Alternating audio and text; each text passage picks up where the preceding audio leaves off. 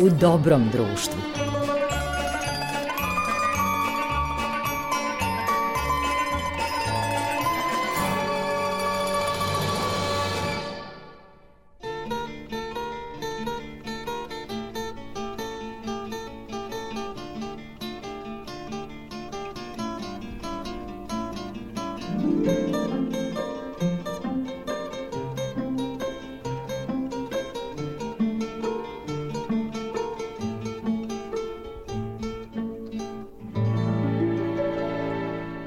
Poštovani slušalci, dobrodošli u novo izdanje emisije U dobrom društvu. Uz vas su i ovoga puta Marica Jung, koja tonski obličava ovu emisiju, i vaš domaćin Goran Vukčević, koji je domaćin i našem zajedničkom gostu. A danas, s obzirom na dolazeći praznik, imamo istoričara i čovjeka koji će nam malo bliže pojasniti neke istorijske datume i ne samo ovaj istorijski datum vezan za ustanak u Orašcu 1804. godine i Sretenski ustav iz 1835. godine, ali eto da predstavim najzad i gosta, Ognjen Karanović, istoričar, je vaš e, i naš gost. Dobrodošli. Bolje vas našao, naravno velika mi je čast da gostujem u vašoj emisiji, naravno u vašoj kući ovde i uvek je to i posebna odgovornost i zaista mi je zadovoljstvo što upravo razgovaramo u ovoj emisiji kod vas na ove i tekako važne teme. Da, ovo je emisija malo opuštenijeg, da ne kažem zabavno, kulturno zabavnog karaktera, ali nekako ne izbegavamo i ozbiljnije teme kao što je istorija, pre svega nacionalna istorija, pogotovo kada su ovakvi datumi u pitanju. Slušalci Radio Novog Sada moći će da se podsete zbog čega proslavljamo sretenje, osim što je to jedan od bogorodičnih praznika, sretenje gospodnje, to je i nacionalni praznik veoma važan za istoriju srpskog naroda. Šta je ono najnužnije da podsjetimo generacije i mnoge zaposlene koji ne znaju zašto imaju praznični dan? Pre svega da kažem da vaša emisija je je i tekako ozbiljna emisija, odnosno ona se bavi ozbiljnim temama, a ja sam uvek i zastupnik toga da ozbiljne teme mogu da budu predstavljene ili da se o njima razgovara i na neki nekonvencionalan način, tako da tu budite bez brige, ovo je jedna od i tekako meni dragi lično emisija i ne samo meni, a svakako ima i ozbiljan karakter zbog značaja tema o kojima se ovde razgovara.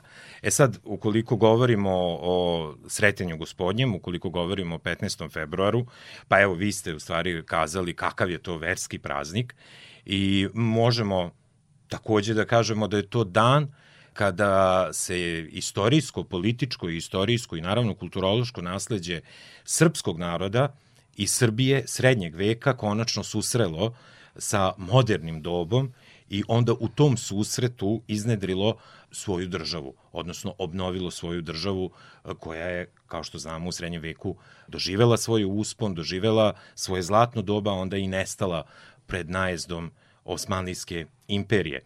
To je najveći značaj, odnosno to je, ajde da kažemo, fokus obeležavanja dana državnosti na prvom mestu odnosi se na datum kada je Đorđe Petrović Karadžorđe zajedno sa svojim, danas bismo kazali, saradnicima, ondašnjim, jeli, srpskim knezovima i starešinama podigao glas, odnosno podigao ruku protiv osmanlijskog zuluma, tačnije protiv zuluma tadašnjih osmanlijskih e, upravnih organa vlasti u Srbiji, u ondašnjem Smederevskom Sanđaku ili Beogradskom pašaluku, kako se to popularnije kaže, i u tom činu podizanja glasa i ruke, a u ime Boga, je i pronađen zametak moderne srpske države. I zahvaljujući tim ljudima koji su to učinili 15. februara, mi smo danas u prilici da, evo, u slobodi i u svojoj državi i, što se kaže, na svom tlu, slobodno o tome i razgovaramo. Da nije bilo njih, verovatno mi ne bismo danas bili u prilici da to činimo ili bismo bili neki drugi ljudi. Naravno, vi ste ispomenuli i to je drugi razlog zašto je 15. februar za srpski narod i za državu Srbiju i takako značajan za građane Srbije generalno. To je naravno dan kada je usvojen prvi ustav, moderni ustav te moderne, nove, mlade srpske države koja je tada bila u jednom autonomno vazalnom položaj u odnosu na Osmanlijsko carstvo i iako taj ustav nije imao, ajde da kažemo, dugotrajne efekte ili posledice po ustavno-pravnu i političku i nacionalnu istoriju generalno srpske države, zapravo on nikad nije stupio na snagu i to ne voljom Srbije ili srpskih tadašnjih vlasti, nego voljom velikih sila. Moramo da obeležavamo taj datum zato što u činjenici da jedna mlada država, stari narod, odnosno drevni narod koji u tom trenutku je na ovim prostorima e, najmanje jedan milenijum, ali nekoliko vekova taj narod nije imao državu, on se nije nalazio na političkim mapama tadašnjeg poznatog evropocentričnog sveta. E sada taj narod na pragu praktično dugog 19. veka, na pragu građanskih revolucija i uzdizanja građanskog društva i nacionalnih država koje se generišu iz tog građanskog društva. Jedan takav narod koji, kažem, za, za Evropu, za sve tadašnje je bio praktično nepostojeći, prvo što čini nakon što je izvojevao slobodu, prvo oružanim putem, onda diplomatskim, šta čini? Odlučuje da kodifikuje svoje opšte akte, odnosno opšte propise, norme prema kojima bi država trebalo da bude ustrojena. I zaista to bi trebalo da sa ponosom izgovaramo ili da se makar s ponosom toga sećamo, jer to nije pošlo za rukom mnogim narodima ili mnogim državama tadašnjeg sveta, savremenicima ondašnje Srbije, koji su postojali u kontinuitetu nekoliko vekova ili milenijuma. Dakle, mene fascinira ta svest, mi to kažemo uvek kolokvijalno srpskog seljaka, zapravo stanovnika Srbije, srpskog građanina, koji tada je svestan da bi za izgradnju države bi trebalo da postoji jedan temeljni zakon na osnovu kog će i on da funkcioniše, na osnovu kog će on da živi i na osnovu kog će dalje da gradi ili razvija državu. Iako ta država nema priznatu nezavisnost, ona nije nezavisna, u formalno pravnom, što bismo danas kazali, nema međunarodno priznati političko-pravni status, i tačno je nema, ali šta čini ona u sve ustav? Dakle, ako uzmemo samo ta taj jedan datum, a iz dve godine, iz 1804. i 1835. godine, pa pobogu šta bi onda bilo logičnije da bude dan državnosti Srbije ili dan državnosti srpskog naroda, odnosno dan njegove državotvorne svesti, pa naravno da će to onda biti 15. februar. Šta mislite, da li se dovoljno zna o tome zbog čega se slavi 15. februar?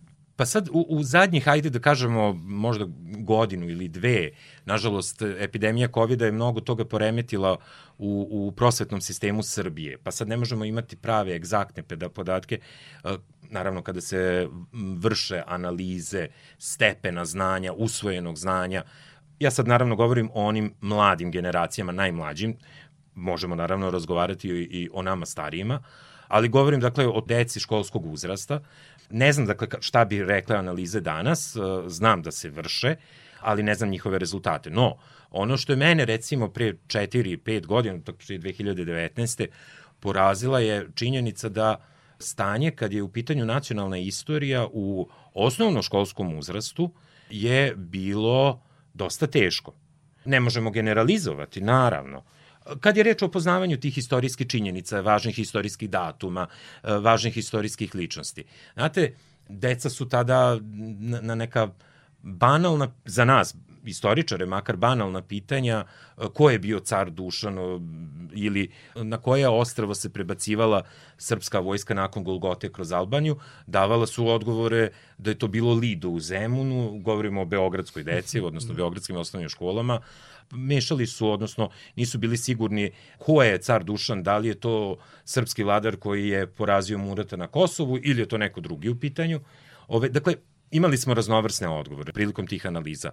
Tako da ne znam šta bi odgovorili za 15. februar. Verovatno ona deca kojima je to neposredno nastavna jedinica na časovima istorije, verovatno bi znali. E sad, tu je pitanje i koliko njih interesuje istorija, koliki procenat naše dece u školskog uzrasta je zainteresovano za taj predmet kao nastavni predmet, a da ne govorim kad je reč o istoriji kao nauci. A kad je reč o široj populaciji, odnosno širim slojima populacije, sa tu je stvar zanimljiva. Znate, naše bake, deke, roditelji, oni su odrastali, vaspitavali se, školovali se u jednom sasvim drugom sistemu koji je i bio izgrađen, zasnovan na negiranju srpske nacionalne tradicije, srpske uh, nacionalne istorije, ili ako ne negiranju, a onda marginalizovanju, zarad nekih drugih ideala, da. pre svega političkih, iako mnogi znaju i verujem da većina stanovništva i tekako zna šta je to 15. februar ili zašto je on baš dan državnosti, ne znam da li bi to bio opšti utisak ili odgovor kod kompletne populacije. Ali nemojmo se sad tu ni zavaravati, nemojmo se samo prekoravati bespotrebno. Nije to specifikum samo kod građana Srbije. Pa čak ni na ovim prostorima, bez obzira o kojoj e, etničkoj, verskoj, rasnoj ili nacionalnoj grupaciji govorimo. To je, što se popularno modernim rečnikom kaže, trend u celom svetu. Nismo usamljeni kada je reč o poznavanju naše tradicije i istorije.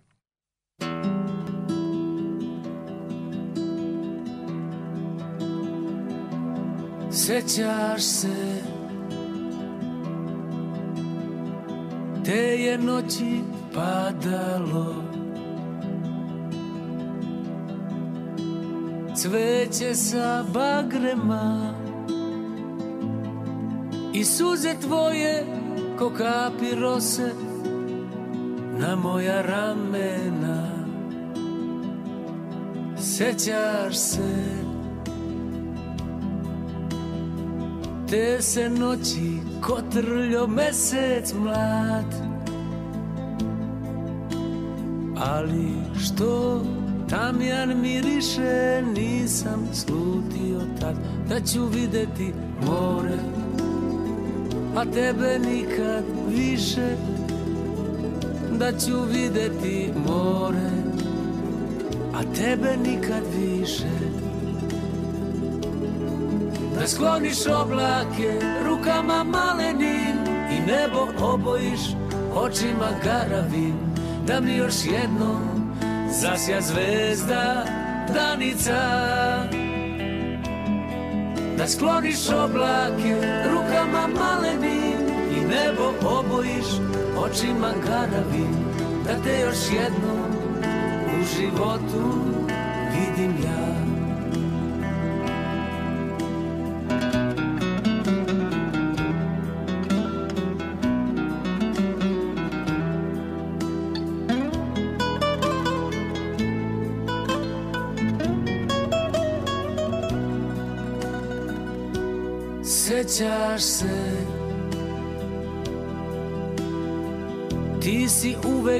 bila ti. I znam da ćeš čekati. Kad se vojnici francuskom lađom Prestanu vraćati Sećaš se Te se noći kotrljo mesec mlad Ali što tamjan miriše Nisam slutio tad Da ću videti more. A tebe nikad više Da ću videti more. A tebe nikad više Da skloniš oblake rukama malenim I nebo obojiš očima garavim Da mi još jednom zasja zvezda danica Da skloniš oblake rukama malenim I nebo obojiš očima garavim Da te još jednom u životu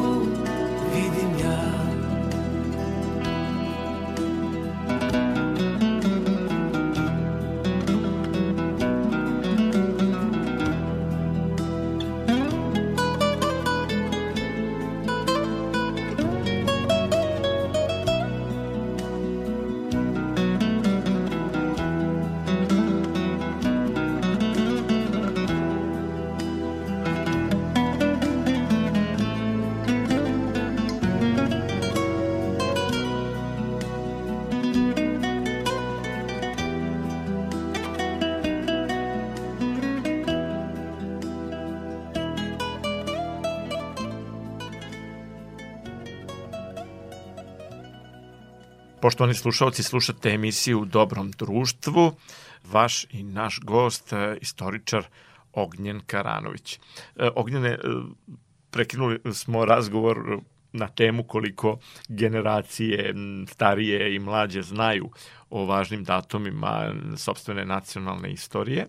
Mislim generalno da mnogo ima sklonih da vole istoriju, ali nemaju možda prilike da se da se zainteresuju, u stvari ne kreću sami u susret istoriji, a, ali zato sam bio mnogo puta svedok i na Krfu, na, na Vidu i na Zitilniku i čak radeći neke istorijske dokumentarce kad su mlađi članovi ekipe koji su zaista već onako deca za neku moju generaciju kad vidim onako protestuju protiv istorije koga to više interesuje, a onda potpuno odluče posle snimanja da uh, uzmu nekoliko knjiga i da ozbiljnije prouče temu, jer ih zainteresuje ona tema o kojoj se film bavi. Tako da zaista mislim da to polako kod novih generacija, zahvaljujući negovanju kulture sećanja i poslednjih godina malo većem akcentu, čemu je sigurno doprinalo i jubileji e, velikog rata, stogodišnjice, sad će opet biti 110 godina velikog rata, mislim da e, je i mlađa generacija počela u većem procentu da se interesuje za te datume. Poznato je da ko nema ko nema i prošlost, e, neće imati ni sadašnjost, neće imati ni budućnost. A koliko u stvari znamo pravu istinu o našoj istoriji, to ne moramo da idemo toliko daleko do Miloša Obrenovića, ali recimo bavili ste se time, dakle, između prvog i drugog svetskog rata, ono šta se dešavalo, kako je slavna srpska vojska tako neslavno završila u aprilskom ratu, to je već bila jugoslovenska vojska. Kako je došlo do toga da pretpostavljeni budu oni koji su bili oficiri u jugoslovenskoj vojsci, koji su čini zločine, koliko je stvari žrtvu položio srpski narod stvarajući e, zajedničku državu, koliko je dobio, koliko je izgubio Jugoslavije odmah ću odgovoriti na to pitanje. Teo sam da se nadovežem kao da u stvari ovaj kao da čitamo jedan drugom misli. Upravo ste za ovu generaciju što se kaže generacija Z. Ta generacija, dakle to su mlađi od 18 godina ili 18 godina, ona je zaista je na ponos našeg naroda. I to u većini. I da, jeste, u proteklih deseta godina, praktično od 2012. godine kultura sećanja je u fokusu pažnje institucija, ustanova kulture i same države, a ta kultura sećanja pre svega je postojala u nekim drugim formatima, u proteklih nekoliko decenija, pre 2012. godine, da bi bila brutalno srušena posle 2000. godine. Ja se sećam u Novom Sadu da je tada, na primer, su se pojavljivali grafiti na zidovima zgrada, patriotizam je bolest. Sećam se ja i I to je bila negde državna politika. Niko tada nije znao za Oluju. To je neko pisao sa zadatkom. Da. Niko nije tada znao za Oluju, šta se desilo 4. augusta 1995. godine. Ponovo su afirmisani bili mitovi, različiti mitovi o tome da je, na primjer, 27. marta, pošto ste me o tome i pitali, 1941. godine, da su Jugosloveni našli svoju dušu time što su se prepustili u čeljust uh, Adolfa Hitlera kao najvećeg monstruma istorije svih civilizacija. Dakle, afirmisana je opet jedna anacionalna bila politika sa kojim je završeno 2012. godine.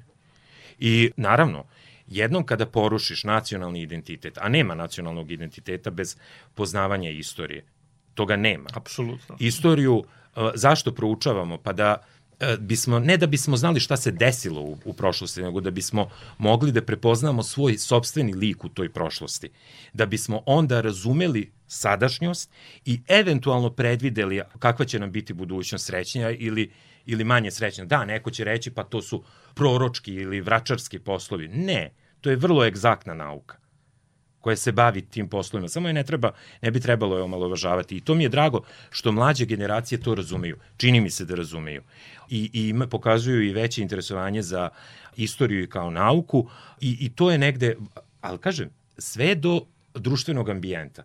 Ako je društveni ambijent pozitivno raspoložen prema tome da, da istorija ili tradicija ili nacionalni identitet imaju svoje zasluženo mesto, ne samo u prosvetnom sistemu, nego uopšte u svest jednog društva, jednog naroda, jedne zajednice, onda će i odnosi prema nauci i prema tradiciji biti sasvim drugačiji. Ono što ste me pitali koliko danas poznajemo ili šta se dogodilo 1941. godine ili između dva svetska rata, znate, jugoslovenstvo uh, je bila jedna plemenita ideja. Veoma plemenita Ujedinjenje ideja. južnih Slovena. Apsolutno i nije, ne, ne bi tu bilo ništa sporno da se ta integracija jugoslovenska nije dogodila prekasno, onda kada je već bio završen taj dugi 19. vek, odnosno kada je završen proces formiranja građanskih društava i nacionalnih identiteta širom Evrope. Dakle, da se to, da, integracija možda dogodila eh, onda kada je i američka ili nemačka čak, italijanska ili nešto ranije francuska, možda mi, mi danas ne bismo o tome razgovarali. Ali ona se dogodila kasno i sa druge strane dogodila se na način, odnosno u istorijskom trenutku, kada je hrvatski nacionalni identitet tek bio izgrađen. Dok je srpski građanski nacionalni identitet odavno već bio izgrađen, već je imao iskustvo u državotvornim poduhvatima stvaranja države, njenoga razvoja, već je Srbija, odnosno Srbi su već imali dve slobodne srpske države, nacionalne države, dok to hrvatski narod nije imao. Osim toga, hrvatski narod tada u tom trenutku skoro hiljadu godina živi u, uh, naravno u različitim epohama, u različitim formatima, živi u jednoj u tom trenutku postfeudalnoj, apsolutnoj možemo reći, monarhiji protograđanskoj, koja nije bila, odnosno gde taj na identitet nije mogao biti izgrađen na postulatima kako su građeni, odnosno rađani identiteti građanski i nacionalni kod drugih naroda u Evropi, a to su postulati uh, slobode, bratstva, jednakosti, što su postulati francuske građanske revolucije. Prirodno, svaka mlada nacija želi da se afirmiše. Kako će se afirmisati? Pa u stvaranju svoje nacionalne države. I to je bio cilj hrvatskih nacionalnih elita, intelektualnih, političkih i svih drugih, od nastanka hrvatske nacije. I njima je Jugoslavija samo predstavljala jedan korak u tome. Za Srbe je to bilo rešenje nacionalnog pitanja, i srpskog i hrvatskog. I tu se desila kolizija koja nije bila rešena sve do raspada Jugoslavije 1991. godine. To je razlog neuspeha Jugoslavije. Da, hvala na ovom preciznom objašnjenju. Čućemo još malo muzike pa nastavljamo.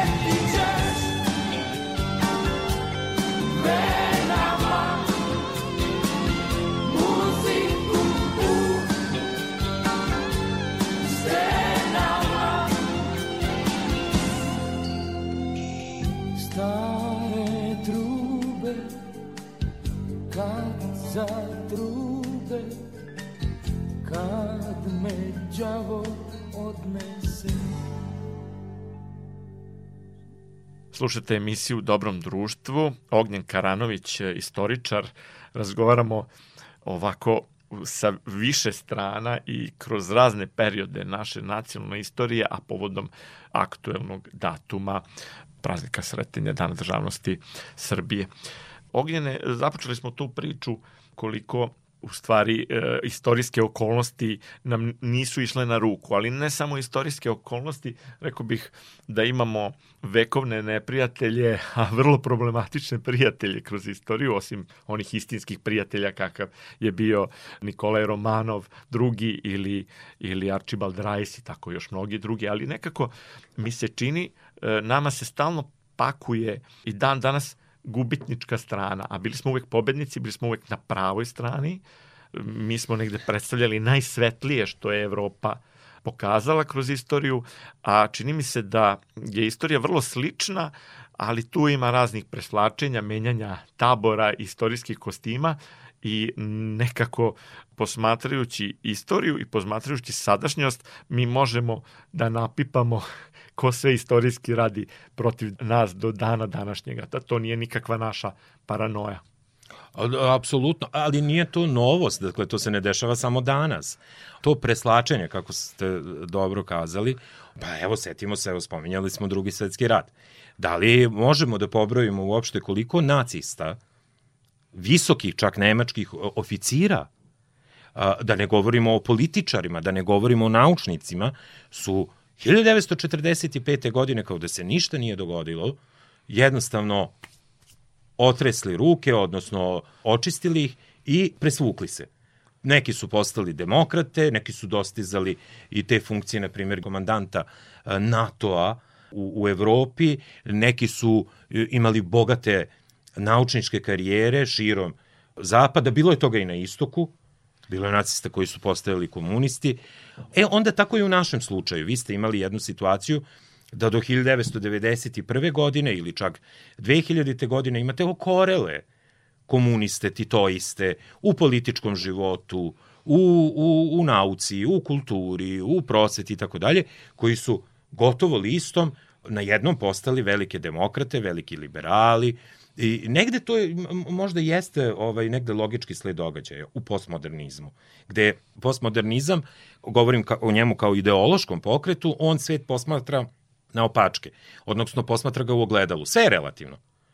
Pa i kultura le, relativna, a da ne govorimo o etičkim kodeksima.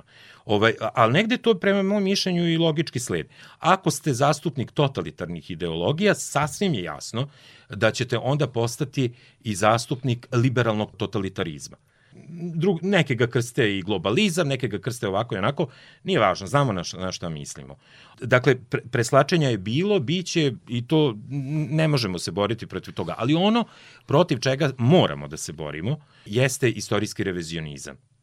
Dakle, korišćenje, odnosno zloupotreba istorije, pogotovo istorije kao nauke, u političke svrhe, posebno u dnevno političke svrhe. Vi imate situaciju, evo mi smo u pauzama dok je bio muzički program, razgovarali smo o nekim slučajevima revizionizma i to jeste, setimo se samo na primjer obeležavanja stogodišnjice primirja u Prvom svetskom ratu u Parizu.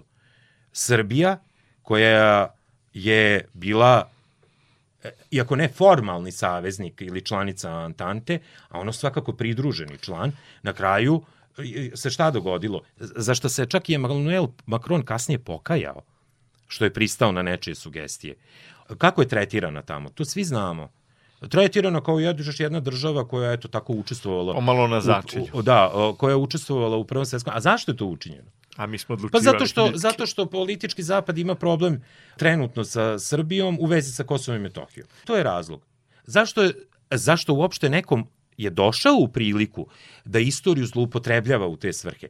Pa zato što od 1945. godine pa do 2000. godine i 2012. godine nacionalna istorija srpskog naroda, naj, oni najteži i najsvetliji dani, a to su dani Prvog svetskog rata, oni nisu predstavljali fokus ne pažnje, nego pogleda za političko-društveni ambijent, na primjer, Titove Jugoslavije.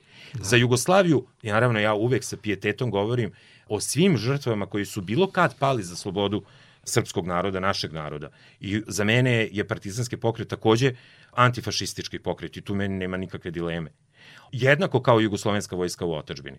Ali isto tako, molim vas, ne može mi biti značajnija iako je moj deda učestvovao u, u tim bitkama, ove, ne mogu mi biti značajnije Neretva i Sutjeska, Od Kajmakčalana. Od Kajmakčalana ili Solunskog fronta ili Cera ili Kolubare. Mislim, za mene je podjednako sve to važno. A naročito su mi važni Cer Kolubara, prvo Cer kao bitka u kojoj su, prva bitka u kojoj su saveznici, Antanta, u kojoj je dobila rat u Prvom svetskom ratu, odnosno dobila bitku, to je pobedila u nekoj bici protiv centralnih sila. Da ne govorimo o Solunskom frontu. Pobogu, tu nam je, tu smo ostvarili svoj nacionalni san. Ne da učestvujemo u bici, nego da postojimo. Odbranili svoje pravo na postojanje. I onda 50 godina muka o tome. Pazite, kada su bugarske fašisti srušili spomenik uh, na Zebrnjaku. Da, kod Kumanova. Kod Kumanova. Spomenik podignut u čast Kumanovske bitke, koja je oslobodila staru i južnu Srbiju. Koji do danas nije obnovljen. Nije nikada obnovljen. A ko je tu kriv?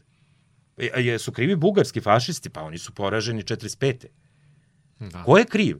Je li Kumanovo bilo u Americi, u Rusiji, u Kini ili je bilo u Jugoslaviji? Pa znamo da. ko je kriv. Kriv je Titov diktatorski režim, ali uh, ne, ja njega lično ne krivim. Ja krivim one srpske političke rukovodioce koji su za neke sitne sinekure i položaje odlučili da ćute o tome. Jer to nije bilo kurentno braniti, tražiti da se obnovi, jer bi bio optužen da se srpski nacionalista. Pa zamislimo mi sad situaciju da neko sruši spomenik bilo kakvo obeleže u Normandiji da. i da kažeš Amerikancima ne, ne, ne, ne bi tu trebalo da bude vaše nacionalno obeleže. Vi tu širite američki ekspanzionizam. Čekaj, ti ljudi su srušili nacističku Nemačku, zaslužili su spomenik. Kad spomenu smo nacističku Nemačku, pa i Vajmarsku Nemačku i Nemačku posle drugog svetskog rata, oni su bili šampioni politike revizionizma, njima je bilo revizionizma, njima je bilo jako stalo da se od sebe otklone žig krivca za prvi svetski rat. I čak su imali pri Ministarstvu spoljnih poslova između dva svetskog rata jedan ceo institut, institut koji se bavio samo time revizijom Versajskog ugovora i revizijom krivice Nemačke za Prvi svetski rat. I naravno oni su pronašli Srbiju kao, kako su oni to tumačili, a što je glupost, eksponenta ruske politike na Balkanu, da je ona kriva za, za Prvi svetski rat. Ništa Nemačka na tom planu ne bi mogla da postigne, da se nije desio raspad Jugoslavije, da se nisu desile 90. I onda u osvit obeležavanja 100 godina početka Prvog svetskog rata, vi ste imali tomove i tomove knjiga, desetine emisija dokumentarnih, umetničkih filmova, koji su posegli za tim nemačkim rešenjima, odnosno nemačkim idejama o krivici za Prvi svetski rat, koji da je očigledno puno uloženo, da. Kristofera Clarka koji piše o Srbiji kao ne povodu, odnosno ne ono što se dogodilo u Sarajevu, ove kao povodu za rat, nego kao uzroku rata. Dakle, šta je to? Pa Bill Clinton kada kreće u agresiju protiv Savjezne Republike Jugoslavije, on tada drži govor u kome govori da uh, su Srbi bili krivi za prvi svetski rat. Pa što se onda ratovao? Što je tvoja država ratovala na strani tih Srba? Zato što ste mnogo dobri. Jasno. Ili Rusi. Mislim, e, velike sile su velike sile, oni imaju svoju logiku. I za njih istorija, istorijska istina, jednako kao međunarodno pravo, postoji onoliko koliko je potrebno da uh, održi njihov interes i koliko je potrebno da se ostvari glavni cilj njihovog postojanja i delovanja, a to je ostvarenje njihovih interesa. Ove, dakle, šta je tu, e, zašto je onda, gde mi tu nastupamo? Pa baš zato što i međunarodno pravo, a i istorijska istina, koja je uvek e, pohranjena u faktografiji, ona postoji da bi se upravo mali narodi u populacionom, demografskom smislu zaštitili od velikih. Pa onda bi naš, naš zadatak bi trebalo da bude na prvom mestu, naš, da mi čuvamo živom tu istinu o nama, istinu i o Prvom svetskom ratu, istinu o Drugom svetskom ratu, a ne da upadamo u zablude ili da sletimo neke političke ili geopolitičke matrice koje nastaju shodno trenutnim potrebama neke velike sile. Tako ćemo zaštititi istorijsko sećanje, kulturu sećanja i sve drugo. Zato kažem danas, znamo šta je bilo 15. septembra. Zato imamo danas dan zastave i nacionalnog jedinstva i slobode. Zato danas znamo kad je bila i zašto se dogodila Cerska bitka. Zato danas apsolutno znamo šta se dogodilo u operaciji Oluje. I nemamo čega da se stidimo. Apsolutno. Imamo pravo da budemo narod sa svojom istorijom, tradicijom i nacionalnim dostojanstvom jednako kao bilo koji drugi. I čuvajući to dostojanstvo drugih ljudi, odnosno drugih naroda, ali naravno čuvajući pri tom i svoje. Hvala, slušamo muziku. Kada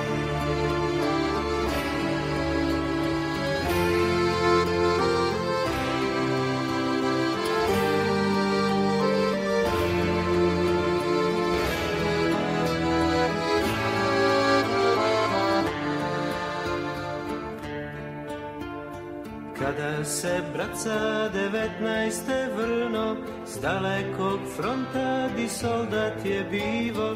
Pričao nam kako ga trefilo zrno Pa zavrto rukav i to pokazivo. A mi, a mi smo bili derani. A mi, mi smo bili derani Pričao nam braca o mirisu mora i o patroli od koje je bežo, pa kako je opsovo nekog majora i zbog tog posle na robi ležo, a mi, a mi smo bili derani,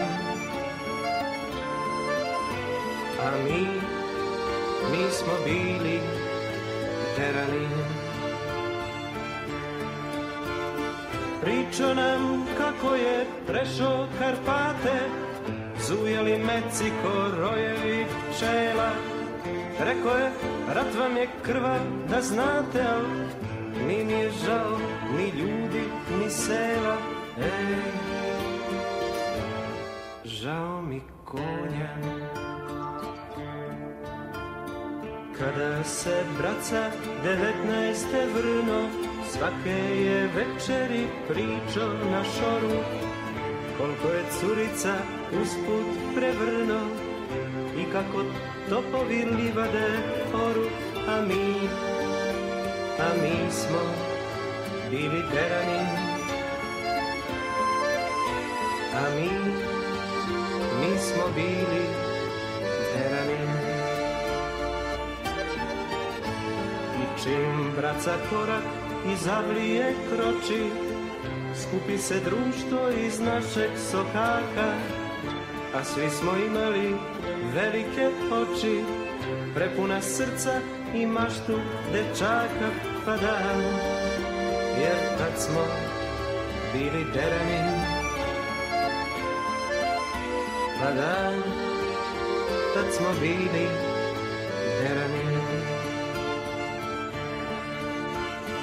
Sovo je braca i krivce i žrtve, puške i vaške i rov prepun blata.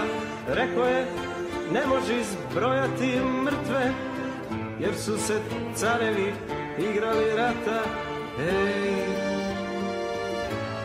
žao mi konja. Negde u braci je paorski koren, I može rata i rata da bude Kad nije paur za soldata stvoren.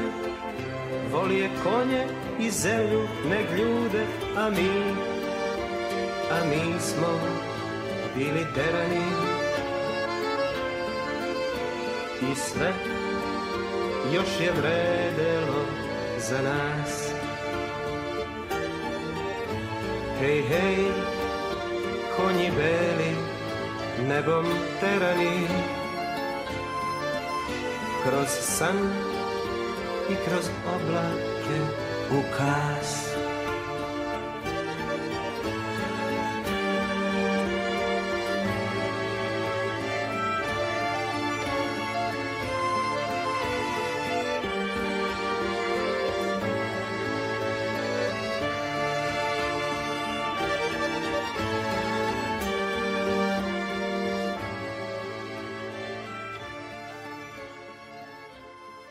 Slušajte emisiju u dobrom društvu, kratko je ostalo do kraja, ali još uvijek dovoljno vremena da e, izvedemo neke zaključke, ali u stvari ovo je Ovo su samo tri tačke u priči na temu nacionalne istorije sa našim gostom Ognjenom Karanovićem.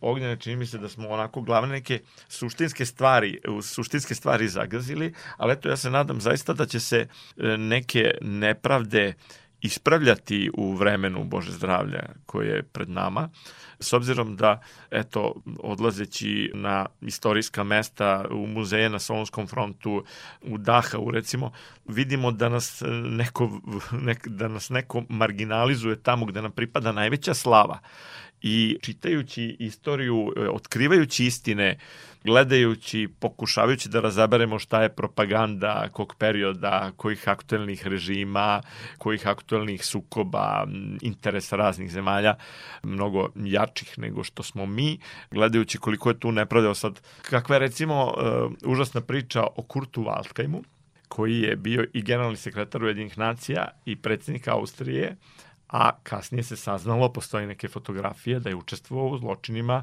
na našem On je to i priznao. Na Kozari i postoji ta čuvena anegdota da je Tito to njemu pomenuo jednom prilikom, a da je i u, u vidu osvete poslato iz Austrije odlikovanje e, Josipu Brozu za zasluge e, u Mačvi u okviru vražije, čuvene vražije divizije.